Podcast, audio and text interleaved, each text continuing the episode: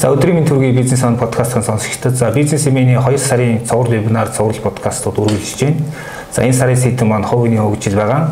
За өнөөдрийн зочныг манай уншиг үзэгчийн сонсогчдод одоо таньж байгаах те сэтгэл судлаач, стратеги судлаач цэцэн бэлэг ирсэн байна өдрийн мэнд. Өдрийн мэнд.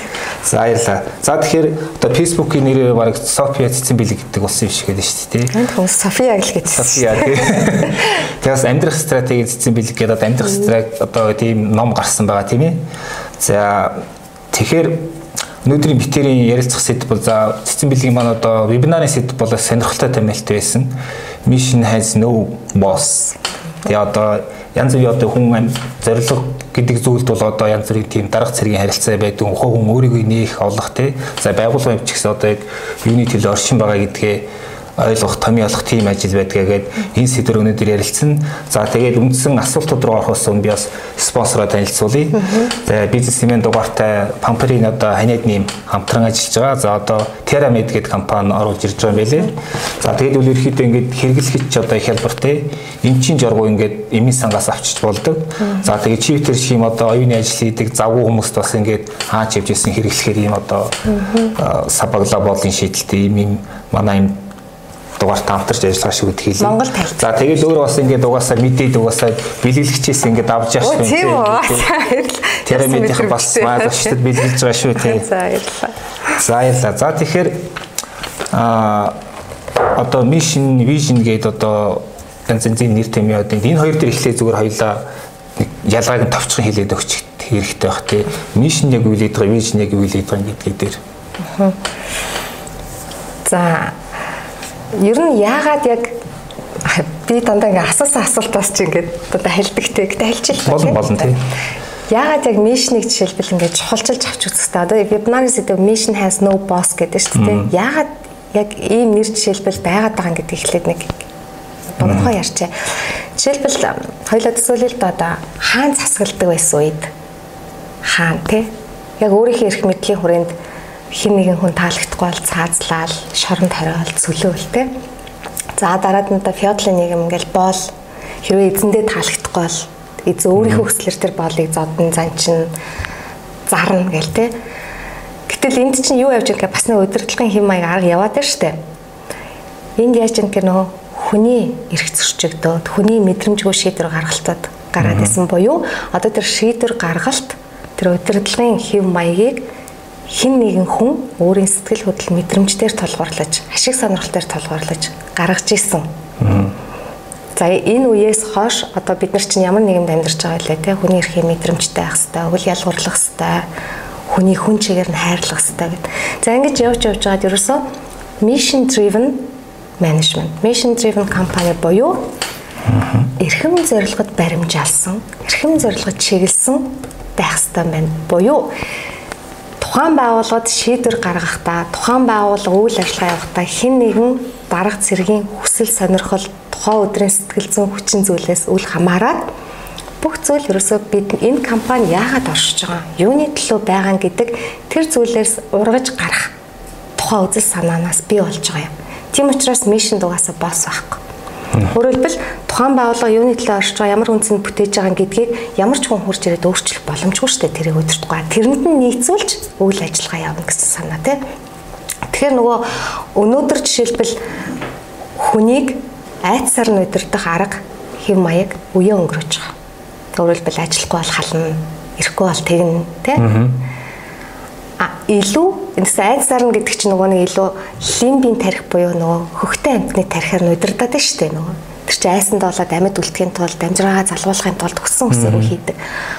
Энэ нь тухайн үед одоо юугаа тус тэмээ өгжиж боловч нь бол маш богино хугацааны үр дүн баггүй. Тэгэл нөгөө хүнд чинь гомдол өсрөхөл үсэл ингээл бүр улам тэр харилцаа. А харин үүний оронд яаж юм гэхээр нөө ухамсарлаг тарих буюу илүү тэр хүнд ойлгуулах, ухамсарлуулах, инспайр хийх замаар тэр хүнийг сэтэлжүүлдэг ийм чиг хандлага гарч ирж байгаа. Энийг хийдэг тэр зүйл бол мишн буюу эрхэм зорилго. Хэлбэл тухайн байгууллага ажилтнаа та энд ажиллаж байгаагийн гол шалтгаан юу юм гэхээр энэ эрхэм зорилго буюу энэ үнэт зүйлийн нэг хэсэг юм шүү. Энэ үнэт зүйлийг бий болгоход та хувь нэмэр оруулж байгаа ийм том бүхэл чухал хэсгийн нэг хэсэг юм шүү гэдгийг ойлгуулах буюу тэр чинь нэг юм хүн өөрөө чухал зүйлийн нэг хэсэг болж харьяалагдах тэгжиж тэндээсээ одоо нөгөө таашаал жаргалаа авч дуучаа мэдэрч байгаа шүү дээ. Ийм байдлаар сэтэлжүүлэх замаар одоо ажилтнуудыг удирддаг тийм арга хэв маяг бүр ингээд mission driven leadership гэж гарч ирсэн маа дээ. Тэгэхээр одоо энэ рүү явж байгаа энэ цаг үед бид нар яг энэ сэдвийг албаар нөө mission has no boss гэж ингэж анхаарлын төвд аваачиж одоо хийж байгаа шалтгаан юм. Тэгээ надад айгүй сонирхолтой тэмээр санагдсыг хараад. Тэгэхээр mission statement гэдэг бол эрхэм зорилго буюу нөө байгууллага оршин буй шалтгаан тухайн байгууллага оршиж байгаа тэр үедээ ямар үндсэн бий болгож байгаа, юунд хувь нэмэр оруулж байгаа, хийж байгаа зүйлээс нь хин ямар өгөөж ашиг хүртэх юм бэ? Буюу нөө өгөх сэдэлтэй алсын хараал тухайн байгууллага явуулж байгаа үйл ажил. Эрхэм зорилгоо хангахын тулд нэг үйл ажиллагаа явуулж байгаа шүү дээ. Тэндээс өөрсдөө ямар өгөөж хүртэх юм те? Бид нар юу авах юм? Бусдад юу өгөх юм? Эрхэм зорилго бид нар өөрсдөө юу авах юм гэдэг нь алсын хараа. Угаасаа энэ хоёроос ч нөгөө байгуулгын үнэт зүйл зарчим ургаж гардаг байхгүй. Тэрнш удирдлагууд яадаг вэ гэхээр ямар үнэт зүйл байх вэ гэж бодож байгаа нэг гоё юм бичээлтэй. Тэр ажиллахгүй. Өөрөөр хэлбэл байгуулгын үнэт зүйл зарчим гэдэг бол тэр эрхэм зорилго алсын хараанд хүрэхтэй үнэт ийм үнэцүүлэлтэй байж ижил энд хүрх юм байна. Ийм зарчмыг барьж ижил бид нар энийг хангах юм байна гэдэг энэ чинь уялдаа холбоотой нэг систем эргэж байгаа байхгүй. Тэгэхээр би одоо зарим үед ийм бодол төрдөг байхгүй одоо зарим одоо том бизнесмен биш ярьдаг. Монголчуудын хямралын гол шалтгаан юу гэхээр одоо юу гэдгийг хөрөнгө мөнгөндөө ч биш те. Яг явж явж явж хууль дүрмдээч биш бас те. А зүгээр л бидний юм үнэт зүйлсийн одоо ориентир те. Тэр нэг мишин тэр ориентирээ алдсан тийм л хямралд байгаа. Энэ дээр одоо хэр санал нийлж байна. Тийм бол яагаад тийм ээ. За яг байгууллага гэхээсээ илүүтэй бүр яг Монгол улсын маань үнэт зүйл юу вэ гэд. Ерөнхийдөө төвшин төвшөндөө л те тийм байчаад ингээд байгаа. Яг байгууллага дээр нь илүү аваад үзье л да одоо шинэ үгдгийн бизнес дээр аваад үзэхэд ер нь яг энэ бизнес Монгол улсын төлөө гэдэг явбал ер нь яг тэрний ут барч утгуу чинь юу ч гэдэг юм те ингээд том юм нийгмийн эдийн засгийн контексттэй холбоод үзвэл Аха. Нэгс та нийтлэг нэг үнэт зүйлс, нийтлэг нэг үнэлэмж, нийтлэг нэг одоо үн цэнэ бид нар олж харж чадахгүй байна. Угаасаа тийм байгаа штеп. Тийм учраас байгууллагад асуудал үүсэж байгаа. Тэр байтугай байгууллагад удирдах төвшөнд ажиллаж байгаа гүйцэтгэх захирал хүртэл эрхэм зорилгоо мэдтгүү яваад та. Тийм тохиолдол байна. Тохиолдол биш ер нь баг талаас илүүдэн байгаа. Тэр чинь би энийг юуны төлөө хийж байгаа юм бэ гэдгээ гүйцэтгэх захирал өөрөө ойлгоогүй байж хүмүүсийг яг юугаар баримжаалж удирдах байгаа юм бол гэдг нь айгу тодорхойг байхгүй. Тэгэхээр тэнд ямар үндсэнд бий болох вэ? Тэгэхээр бид нар одоо өөрсдөөсөө ичгүүгээр яг үнтэйгээ нүүр тулаад удирдлага нь байна уу захирал нь ч мэддэггүй бүр үүсгэн байгуулагч нь ч өөрөө мэддэггүй сүүлд хүмүүс нийлж аваад нэг юм хийсэн гэсэн ингэж ярьж болохгүй байхгүй тий Тэгэхээр бид нар ер нь яг одоо энийг үзэж байгаа жишээлбэл удирдлага байна уу, байгууллагын ажилтнууд байна уу, ерөнхийдөө тэр байгууллага маань ямар үнцэнд бүтээхийн төлөө ер нь оршиж байгаа юм бэ гэдгээ бөөндөө суугаад нэг ярилцаад тэр чинь тэгээд миний нэг жишээ татаж ярих нэг дуртай сүүлийн үед болоод байна. Америкийн улаан загал маань нийгэмлэх эрхэм зорилго. Хараар амар гоё.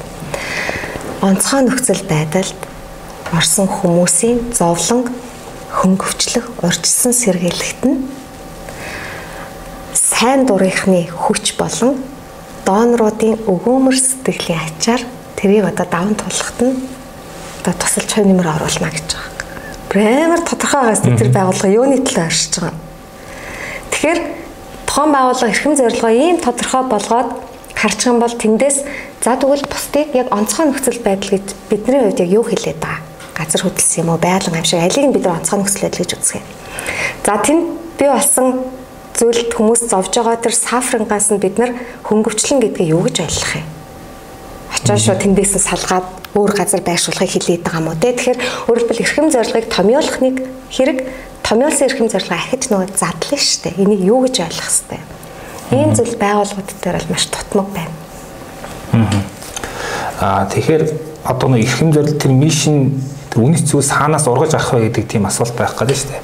Яг би яхин нэг түүхэн контекст руу ороход одоо социализм үед бол хамгийн өмнө одоо нийгмийн үнэт зүйлсүүд нь хамт олон байсан коллектив гэж ярьдаг байсан тий одоо тэгэл нам гэдэг чинь ингээл нэг том юм амар том коллектив тэр нь дийсэн гэдэг бол бас одоо юу гэдгийг баг нэг шашны сект дийсэж байгаа шиг тийм одоо процесс болдог те.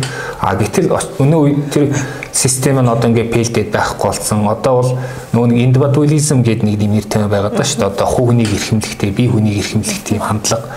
Тэгэхээр ийм байхад одоо юу гэдгийг хувь хүмүүсийн үнэт зүйлс одоо нэг одоо юу гэдгийг тэр олон олон тийм бие хүний зорилгыг нэгтгэхэд нэг одоо юм энерги одоо юу гэдэг нь лазер бүүн гэж ярьдаг шүү дээ. Ингээд лазерын туяа шиг юм нэгдсэн тийм болоо тэр чинь одоо миний хараад байгаа одоо юу гэдгийг тэр нэг үнэт одоо мишний одоо гол хүчин байх хэрэгтэй байгаа байхгүй тий.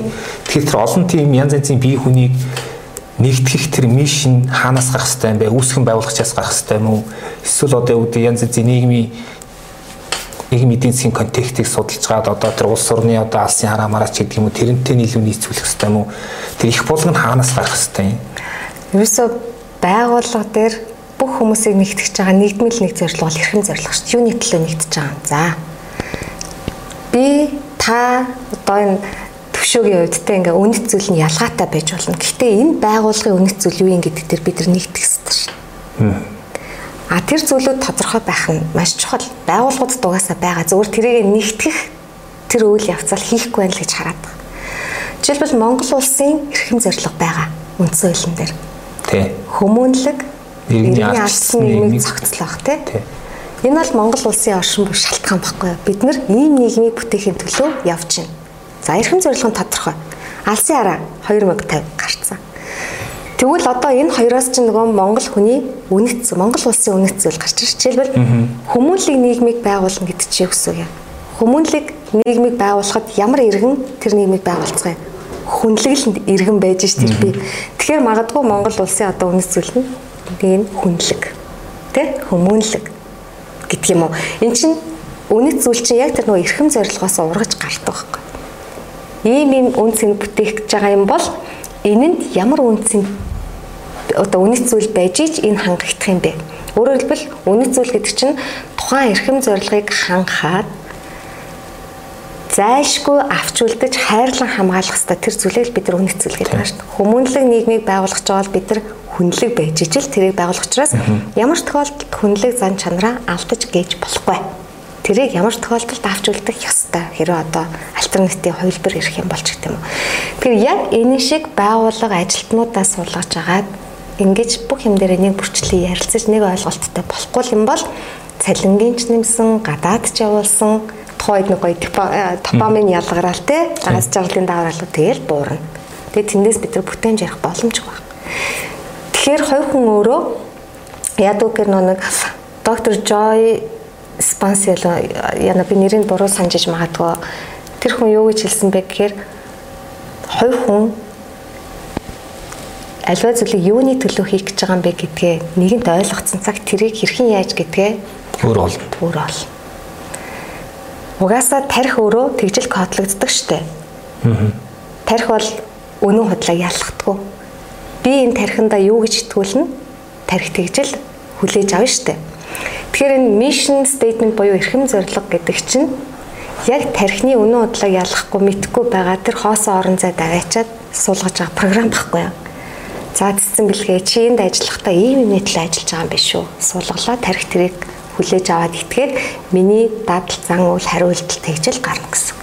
Тэгэхээр нийтд нь ажилтнуудаа тэр ойлголтыг нь өгөхгүйгээр ажилуулах нэгдүгээр боломжгүй хоёрдугаар өгөөгүй учраас алд нэг нэгж хэсэг болгон нэг нэг нэг өөрсөлдөг ч гэж хардаг.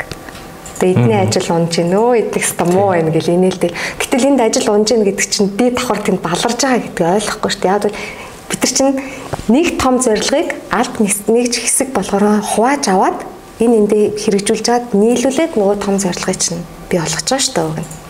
Тэгэхээр энд яаж юм гэхээр яг тэнд ажиллаж байгаа ажилтнууд ч тэрийг ойлгохыг хүсэхгүй нэг асуудал байна. Тэрийг нь ойлгуулж өгч чадахгүй байгаа удирдлагын ч асуудал байгаа гэсэн үг тийм. Тэгэхээр ер нь тэр хүн чинь нэгтэй одоо гол санаачлал бол үүсгэн байлгахчаас гарах хэрэгтэй гэж би ойлгож Тэгээ мэдээж байна. эрхэм зорилго бол тэрийг үүсгэж байгаа юмнаас л га. Одоо жишээл хоёулаа нэг компани байгуулъя л та. Гэхдээ юу хоёулаа ярилцсан шүү дээ. За юуны төлөө юунд хоёр нэмэр орлого. Хоёулаа энэ компанийг байгуулж ингэснээрээ ямар ер нь үн цэнийг хүмүүс санал болгох юм. Жишээлбэл таны хийх туртай юм юу вэ? Минийх бол унш судлах, шин нэмийг турших, шин санааг турших, шин санаа шин гаргах. санааг хөгжүүлэх тийм. За би бас тийм дуртай. За тэгвэл хоёулаа нийлээд нэг компани байгуулъя гэвэл тэгш. За хоёулаа судалж, туршиж, уншиж ингэсэн тэр одоо зүйлээ боловсруулад нэг юм гоё шин мэдлэг бүтээж ингээ. Ингэснээрээ ямар үнцэн бүтээх юм. Магадгүй монголчуудын хувь хүний хөгжилд хувь нэмэр оруулъя. Оо эн чинь бид нар эрхэм зорилго байна гэсэн үг байхгүй. Тэрийг үүсгэн байгуулж байгаа л гарах шүү дээ. А тэгээд Монгол иргэнийг төлөвшүүлэхэд хувь нэмэр оруулъя хоёлаа эрхэм зорилго өгсөж гарчлаа. Тэгээ Монгол иргэнийг төлөвшөөд сайн сайхан байгаасаа гэж хүсдэг тийм хүмүүс энэ хувь нэмэрт эрхэм зорилгод нэгдэх байхгүй. Тэгэхээр байгуулгын төвшин таваад үзвэл яг ийм дүгнэлт хийчихвэл хэр юм мэдэхгүй. Гэхдээ бол одоо эрхэм зорилго гэдэг бол байгууллагын хувьд одоо Монгол улсын хувьд үндсэн хууль гэдэг шиг эрхэм зорилго бол байгууллагын одоо үндсэн хууль гэдэг дээ. Одоо юу гэдгийг хүмүүнлэг иргэний ард чисныг байгуулна гэдэг шиг тухайн байгууллага одоо юу гэдгийг тим тим тим тим юмыг тэгнэ гэсэн тийм л том хөгжил байх Тийм гэдэг. шүү дээ. Ерөөсөө тухайн байгууллагын оршин буй шалтгаан бид нар яагаад энэ компанийг үүсгэн байгуулж байгаа, яагаад энэ үйл аж- ажиллагааг явуулж байгаа юм бэ гэдгийг илэрхийлсэн тэр шалтгааныг нь гаргасан. Тэгээ энийг явуулснаар юунд хой нэмэр оруулахын ямар үнцэнд бүтээх гээд байгаа юм бэ гэдгийг чинь сайхан найруулаад томьёолцсон л нэг өгүүлбэрийг л хэлээд байгаа. Юм. Тэгэхээр хоёулаа ярьлаа ингээд үүсгэн байгуулагчаас бол одоо их их зүйл шалтгаал үүсгэн байгуулагчаас одоо үүсэн тий тэр гал тий оч одоо тий юу гэдгийг тэр хүмүүсийг нэгтгэх. А гэтэл одоо юу гэдгийг зүгээр ингээд манай бизнесийн одоо ерхий том зургийг харахаар одоо 30 гаруй жил болж байгаа яг ингээд зах зээлийн харилцаан шилж байна тий а үүсгэн байгуулагчд маань бол одоо юу гэдгийг анх одоо ингээл нөө ганцхан наймаагаар хэлж ирсэн хийг нь одоо ингээл тэлэл үргэлжсэн. Аа ерөнхийдөө том зургаараа бүгдээр ингээд нэг бизнесийн хөгжлийн дараагийн шатанд гарах гад шилжилтийн үе явж байгаа те одоо хүн төвтэй бизнесээс илүү тийм одоо ойлаа ялаа мишн дривен тийм систем рүү шилжих гээд ингээд бүтэлтэй бүтлэх олон жишээ явж байна л да те. А тэгэхээр энэ нөхцөлд юу гэдгийг тэр хүмүүс байраа тавьж их хэвээр юм уу? Эсвэл одоо тэр үүсгэн байгуулагчид өөрсдөө форматлаад сэтгэлгээний өөрчлөлт хийх хэвээр юм уу? Эсвэл дараагийн үеэ бэлдэх хэвээр юм уу? Яг энэ дээр зүгээр чи одоо бас олон байгууллагатай ажиллаж байгаа хүмүүсийн бас юм ажигласан баг тийм. Ер нь бол яг өөрөөр хэлбэл нөө зах зээлийн шилжилтийн үед ингээд бизнес эрхэж эхэлсэн хүмүүс яг энэ эрхэм зорилгын талаар ойлголцож байгаагүй. Энд чинь одоо сүүлдэл бий болж штэ. Тэгэхээр эрхэм зорилгогүй байсан нь тэдний буруу биш байхгүй юу? Энд чинь мэдлэг сүлд гарч ирж мэдлэгийг сүлд таньж ин тэ. А одоо жишээлбэл бид нар эрхэм зорилгоо яг хийж байгаа үйл ажиллагаатай уялдуулаад ерөөсөө энийгээ бид нар ийм юм төлөө хийгээд томьёолох боломжтой. Жишээлбэл одоо барилгын салбарт маш удаа үйлсэн маш олон барилга барьсан компани те эрхэм зорилгогүй сууж байна те. А тэгвэл одоо цаашаа яг энэ компани барьсаар л байх юм бол тэгвэл юуны төлөө энийг хийх юм гэдгээ бид нар тэндээ утга онох боломжтой байхгүй. Магадгүй хүмүүсийн тав тухтай орчныг бүрдүүлэхэд хувь нэмрээ оруулъя. Оо. Эсвэл хүмүүсийн амьдралын чанарыг сайжруулахад хувь нэмрээ оруулъя. Яаж томьёоснаас шалтгаалаад хэрэв амьдралын чанарыг сайжруулахад гэж томьёосон бол тухайн барилгад орж байгаа эд одоо тэр эд юу болгон хүмүүсийн эрүүл мэндэд аюулгүй байх. Амьдралын чанар зүгээр аюулгүй байх тухай тий. А зүгээр тав тухтай орчин бүрдүүлэх гэвэл за тэр одоо хэрэглэж байгаа материал аюултай аюулгүйс үл хамааран үгүй тав тух нь чухал байх ч юм уу. Тэгэхээр эрхэм зорилго яаж томьёосноо шалтгаалж нөгөө бүтээгдэхүүн үйлчлэгээ тэгж хөгжинэ гэсэн үг.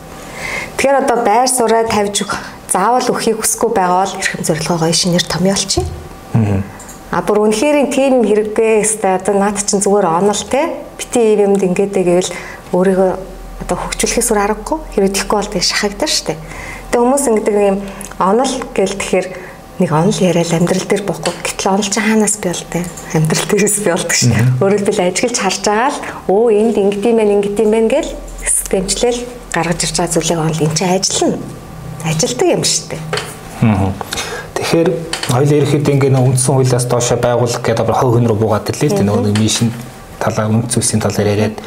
А нэг юм үг гэдэг одоо үүсгэн байгуулагчийн үнэт зүйлс яг байгууллагын үнэт зүйлстэй илүү тийм одоо давхцж байвал те. Тэр бизнес ерөөхдөө ингээд гоё явдаг гэд.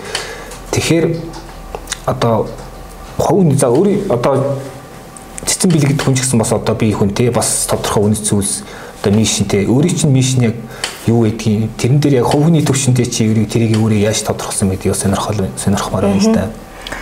Үү би одоо өөрөө тим ярьдаг хүн тэргээ тодорхойлоогүй явж бол балар шүү дээ тий. Минийх бол юм штэ шинжлэх ухааны хандлагаар хүн өөрийгөө тань мэдэх утга учиртай амьдрах үзэл санааг боловсруулан түгэнэ. Өгөх сэтгэлтэй би юуны төлөө яах гэж энийг хийгээд байгаа гэдэг үнс нь тодорхой. Өөрөлдвөл би үзэл санаа боловсруулдаг хүн юм байна. Миний боловсруулсан үзэл санаа хин нэгэн өөрийгөө тань мэдхэд эсвэл утга учиртай амьдрахад нь хэрэг болох хэрэгтэй юм байна. А тэр үзэл санаагаа би шинжлэх ухааны хандлагаар боловсруулна гэж бодож байгаа ч юм хоёлоо ярьж байгаа л хоол идж байгаад гарахгүй нь шүү дээ. А тэгээд тэр гарсан үзэл санаагаа би түгэн. А тэгээд тэр түгээж явах явцад хин нэгэн өө энэ нэрэ чухал юм байна гэд өөртөө аваа шингээгээд ашиглах нь би нөө эрхэм зорилгоо хангаж хэрэгжүүлж гин гэсэн. Мянган хүнд түгээхэд нэг ч хүн тэрийг хэрэглэхгүй гэж болно. Гэтэ нэг хүн сэтэл үүсэж ирсэн ч энэ миний эрхэм зорилго хэрэгжиж л байна гэсэн. Би бол тэгж хардаг. Аа эргээд нөө байгууллагатай холбоод асуухад одоо хэлээ зарим нэг түүл өгөх гэдэг одоо арга хэрэгсэл өгөх гэдэг үзье л да тий. За тодорхой одоо ингээд үйл ажиллагаа явуулаад тодорхой хугацаа өнгөрцөн хийсэн юмтай тий. Гэхдээ юу гэдгийг одоо түрүүний хэлсэн шиг нөгөө нэг юм хийж байгаа ажилдаа утга оноож яг мишн хэлбэрээр томьёолж амжааг байгаа компаниуд процесс явж ирнэг тэрийг эхлүүлэхийн тулд тий юунаас эхлэх хэвээр олоолаа суужгаад ингээд одоо цуврал хорлууд хийх хэвээр юм эсвэл одоо юу гэдгийг мэддэг хүмүүстэй хамтрах хэвээр юм уу яг тэр нэг э, дараалал процесс нь яг яаж явагдах хэвээр юм тий. А хэрвээ өөртөө яг энэ талын ойлголттой бол энэ бол багаар хийдэг ажил. Одоо нэгэнт ингээд ийм удаа явцсан олуулаа байгаа бол багаар хийнэ. А тэгээд хэрвээ яг энэ талын ойлголттой процессыг мэдэхгүй бол ууны мэддэг хүнээр нь зөвлөлд чиглүүлээд өөртөө гаргаад авах нь илүү хялбар. Анзаарч байгаа бол эрхэм зорилго дотор ийм юм юмнууд шууд харагддаг тухайн байгууллагын бүтээгдэхүүн үйлчилгээ хэрэглэгч зах зээл үнц нь тэгээ тэрийг ямар арга замаар хэрхэн яаж юу арах гээд байгаа гэдэг бүх юм багтцсан байдаг. Тэгэхээр энэ зүйлүүдээ тодорхой болгож харж чадах уу? Одоо ямар арга замаар юугаар дамжуулж гэдэг чинь тухайн байгууллагад би бас нөөц чадахын асуудал байна тий. За хин дөхин гэдгээ тодорхой харж чадчихэв үү гэдэг чинь өөрсдийнхөө одоо бизнесийг тэр төвшөнд бас олж харж чадчихэв нөө. Жишээлбэл нөгөө TEDx-ийн эрхэм зорилго шүү дээ санааг түгэн. Тий. Эндээс бид ачаа бараа биш тэр чинь санаа түгэх. Санааг түгэн гэдэг шүү дээ. Тэгсэн мөртлөө хийж байгаа үйл ажиллагааны ивент зохион байгуулж магаалал ингээл нэг нөгөө санаа нь хаана байгаа гэж харагдахаар ч юм шиг те. Гэтэл ивент зохион байгуулад тэнд хүмүүсийг өрөөд яриулснараа нөгөө санаа тэнд бий болж боловсроод дээ. Тэгээ тэрийг тэд нар түгэн гэдэг чинь хүмүүсийг ураад лайв хийж болж гэн, телевизээр явуулж болж гэн, подкаст хийж болж гэн түгээх ажиллагаа явагдана гэсэн. Тэгэхээр яг энэ шиг жишээлбэл тэр байгууллага эхний ээлжинд бид нар юу өгөх гээд байгаа. Тэгээ эхний ээлжинд бид нар нөө ямар үндсийн бүтээх ингээд өгөх сэтэл дөөлөвөө тодорхойлох хэрэгтэй эхний ээлжинд. Аа хоёр нэмэр оруулах юм уу, туслах юм уу, дэмжих юм уу, үлгэрлэх юм уу, манлайлах юм уу, бүтээх юм уу. Тэ? За тэрний дараа юг юг үлгэрлэх гээд байгаа. Юугаар хоёр нэмэр оруулах гээд байгаа. Гэт юу гэдэг нэр үгэ. Би одоо нэг э, техт юм технологиг хэлээд шүү дээ. За тэрний дараа хинд бид нар энэ үндсэнийг хинд зориулах юм. Хүн бүх юм уу, тэ? Жишээлбэл IKEA-гийн эрхэм зорилгоол тэгдэг шүү дээ болох олон хүнд өдөр тутмын амьдралыг нь илүү сайн болгох нь одоо туслана тий. Тэгэхээр тэд нар аль болох олон хүн гэдэг чинь хүн бүхэнд гээгүй байна тий. Аль болох олон хүнд гэж байна. За эсвэл зарим нь эмгтээчүүдэд гэж томьёолж болно. Хөгжлийн бэрхшээлтэй хэсэг гэж болно. Тэгэхээр тэр нэг сегментээс аягүй тодорхой гарах хэрэгтэй. За тэгээд яг өгөх сэтэлтэй үйл үгээ тодорхойлчихно юу өгөх гээд байгаа гэдгээ юугаа тодорхойлчихно хинд өгөх гээд байгаа гэдгийг тодорхойлчихно а тэгээ ямар арга замаар? Жишээлбэл түрүүн тэр улаан заалманы имлэг дээр бол сайн дурынхан болон донорын өгөөмөр сэтгэлийн павераар дамжуулж гэж байгаа байхгүй? Тэр чинь нөгөө арга зам тодорхой харагдаад байна шүү дээ тэгэхээр нөгөө эхний ээлжинд бусад байгууллагуудын эрхэм зорилго аягаас уншиж шинжилж агаад а тэгээд нөгөө mission statement analysis гэдэг угаасаа байдаг. Google дээр л хайхаар гараад ирнэ. Тэгээ тэрний дагуу энэ энэ энэ багтч уу гэдгээ ингээд матриц хэлбэрт оруулж ингэж байгаа хийхэд бол боломжтой. Жишээлбэл манай э, Монгол компани MCS эрхэм зорилго үлээ. Дэлхийн хөгжлийг Монголд гэдэг баг шүү. За одоо энэ дээр харахад өгөх сэтэл байна уу? байгаа. Монголд нэг яах гэдэг нь те? Юу өгөх гэдэг байгаа? Хөгжлийг хөгжлийг өгөх гэдэг нь хинд Монголд өгөх гэдэг зах зээл нь ойлгомжтой тий. Тэгээ яг ямар хөгжлийг гэр дэлхий. Тэгэхээр өөрөөр хэлбэл MCS-д ажилладаг хүн болгон дэлхийд хөгжиж байгаа тэр хөгжлөөс Монголд оруулж ирж тэр хөгжлийг монгол хүн бүхэн хүртэх тэр өгөөжийг өгөхөд тэр үнцнийг бий болгоход тэнд ажиллаж байгаа хүн бүхэн хувь нэмэр оруулж байгаа. Байгууллагад албан тушаалаараа ялгаатай байвч эрхэм зорилгод оруулж байгаа хувь нэмэр захирал байна уу, цэвэрлэгч байна уу ялгаагүй. Бүгд хувь нэмэр оруулж байгаа. За тэгэхээр а цаг жаахан бага учраас одоо подкастын сүүлийн асуулт руу орчих гэж бодож байна тийм ээ. А тэгтээ бас нэлийн чухал асуулт. А одоо ингээд сүүлийн үеийн янз янзын тоо баримтуудаас ялангуяа хөдөлмөр эрхлэлтэй холбоотой тоо баримтуудыг харахаар залуучууд гадагшаал ямар нэг аргаар гарах тийм одоо юу гэдгийг хүсэлтэй болчих тийм юу гэдгийг энд одоо уях тогтоох юм ховор болж яах гэсэн тиймэрхүү нэм пессимист аюу мэдрэмж амьд газар түгээд байна л да.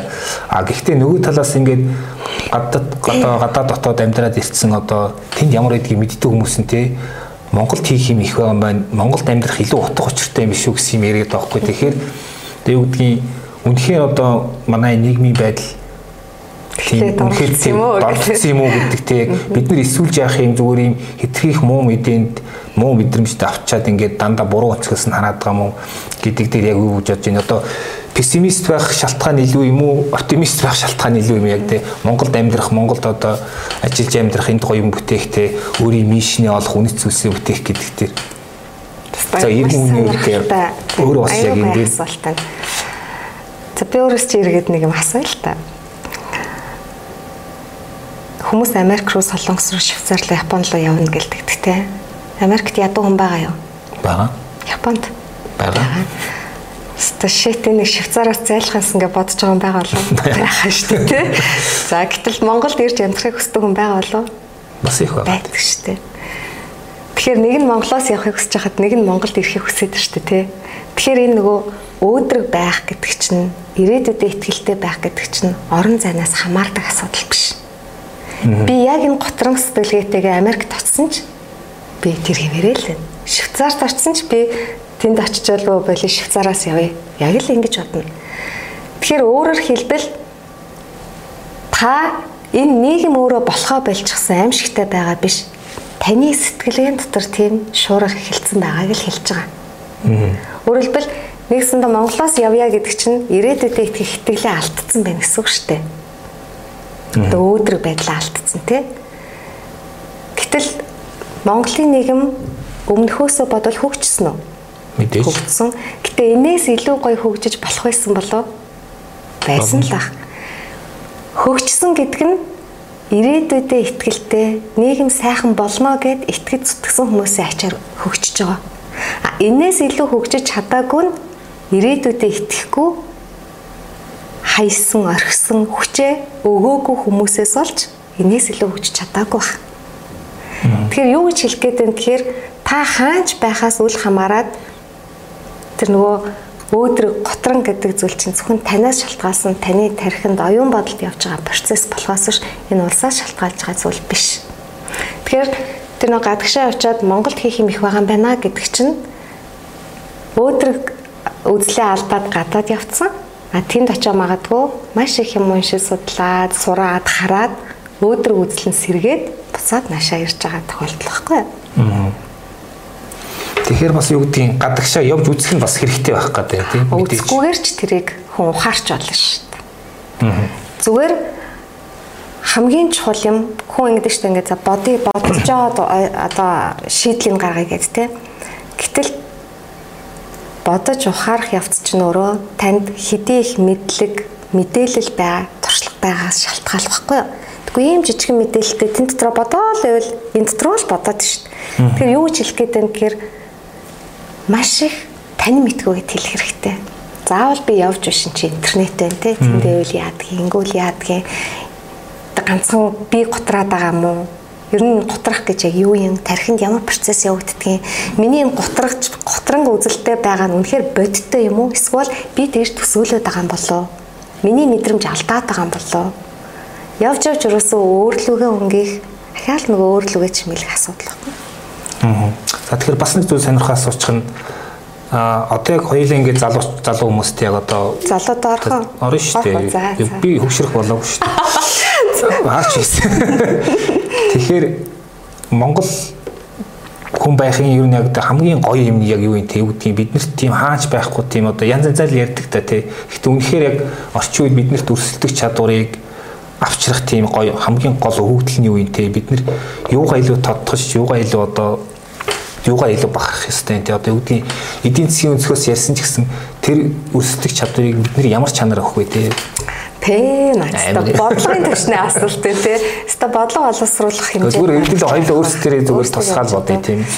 Яг одоогоор би жишээлбэл энэ юм байна гэж шууд л хэлж бол мэдэхгүй байна. А зүгээр сүүлийн үед нөгөө нэг global citizenship education гэдэг ойлголт гарч ирсэн. Дэлхийн иргэн.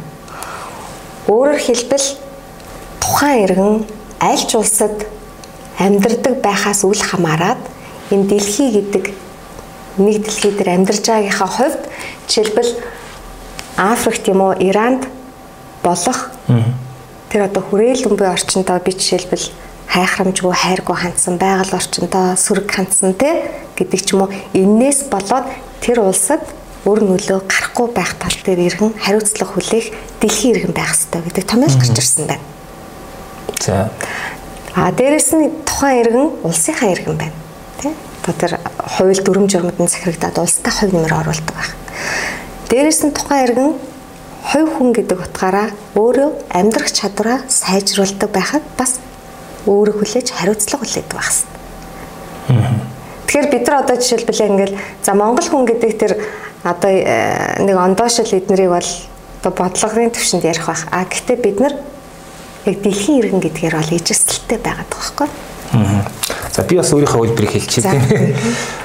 А би болохоор бас сүүлийн үед бас ингэж бодоод байгаа юу гэхээр чи хэдий чинээ сайн өөрийнхөө одоо иргэн бай тэ төдий чинээ бас дэлхийн сайн иргэн байж чадна. Ягаад тэгэхээр юу гэдгийг Монгол гэдэг тэр одоо төрөл бүр өвдлөө шүү дээ соёлын одоо юу гэдгийг тэр нэг зам төлөвийн ч гэдэг юм маш олон Монгол гэдэг тодтолтой маш олон өвдөл байгаа. Тэрийг чи хэр сайн ингэж ойлгож одоо эзэмшиж өөртөө ингэж шингээж тээж явна те тэр эдгэрийг чи одоо юу гэдгийг нийт одоо энэ хүн гэдэг амьтны одоо тэр олон янз байх тэр баялаг байх тэр тэрэнд нь үргээ гүйцэтгэж яах гэсэн үг байхгүй тий. Одоо юу гэдгийг одоо монгол хэлээ сайн мэддэг хүн бол нэг талаас харахад яг уу сайн монгол хүнч нөгөө талаас ингээд бас тэр чинь ингээд монгол гэдэг тэр өрнөц цэмийг үн цэнтэй тээж явж байгаа бас дэлхийн иргэн байгаа даахгүй. Миний өнцгөөс бас ингэж хараад байгаа. За яг тэр ижилсэл ондоошлыг сайн мэдхгүй зүгээр миний хувьд яг гэхээр бирс өөрийгөө зөвл байл гэж үздэг зүг байвал тэндээс чинь одоо хинч хохирохгүй, хинч тэндээс хор уршиг амсахгүй. Тэгэхээр миний зөв хандлагаас дэлхий байна уу, Монгол байна уу, тэ өдөө орон нутг байна уу? Хаач миний үйлдэлээс болж хин нэгэн хохирол амсахгүй байх гэдэг бол нин тэрүүний амар том юм бүтээ ёстой. Халаад үе гэдгээс илүү чухал байх гэж би хардаг учраас хүн болгон зүгээр л ядаж би зүв бай гэл хүн болгон ингээл бодчих юм бол бол их асуудалгүй харагдаад байгаа шүү дээ тий. Гэхдээ яг практик дээр асуудал аяг их гардаг тийм. За баярлалаа. За ингээд одоогийн подкаст ингээ өндөрлөе. За тэгээд үзэх сонсогчдоо сануулхад манай подкастын дугаартай Пампарын ханиад нэм хамтран ажиллаж байна. Та бүхэн аль ч одоо эмийн сангаас эмийн журуугаар бичиж яваад хэрэглэх боломжтой. Одоо солонгосын хэрэглэгчд бол аягүй сайн мэддэг юм. Одоо би энийг ингээ авцсан шүү дээ. За энийг одоо яаж аваад задлаад ингээл шингийн юм уу? Одоо нөгөө нэг вакус шиг задлаа шууд уучих гэсэн үг тий. Тэгээ солонгост бол нэлээ их тийм өргөн хэрэглээтэй алдартай юм байлээ. За ингээд энэ удаагийн подкастын дугаар ингээд өндөрлж байна. Манай зочноор сэтгэл судлаач, стратеги судлаач Цэгмэлэг маань оролцлоо. Ажилтнанд амжилт хүсье. Ямар хурдан яриулдаг юм бэ? Яасан хурдан дуусдаг юм бэ? За тэгээд баярлалаа урсанд. Тэгээд За баярлалаа. Үдсэн цагаа гаргасан хүн бүхэнд баярлалаа. Ямар ч ихсэн юу ч сонссон бай, юу ч уншсан бай тэр дундаас заавал нэг зүйлийг өөртөө авч хэрэгжүүлж өгөөж нь хүртдэг байхад бас хичээл сэтгэл гаргаарай. Зүгээр залхуураад сонсоод өнгөрөх, тэ уншаад өнгөрөх гэдэг бол энэ бол бас хөгжил яг мөн үг гэвэл хэцүү шттэ. Аа сонссон, уншсан зүйлээ нэг жижигхэн чамаагүй 0 мянганы хэдэн хувь чамаагүй хэрэгжүүлэх гэж хичээнэ гэдэг бол маш том хөгжлөө эхлэв шүү. Тэгээд баярлаа. Баярлаа. Мэдлэгч угаас хэрэгжиж би болоод ах шүү дээ тийм ээ.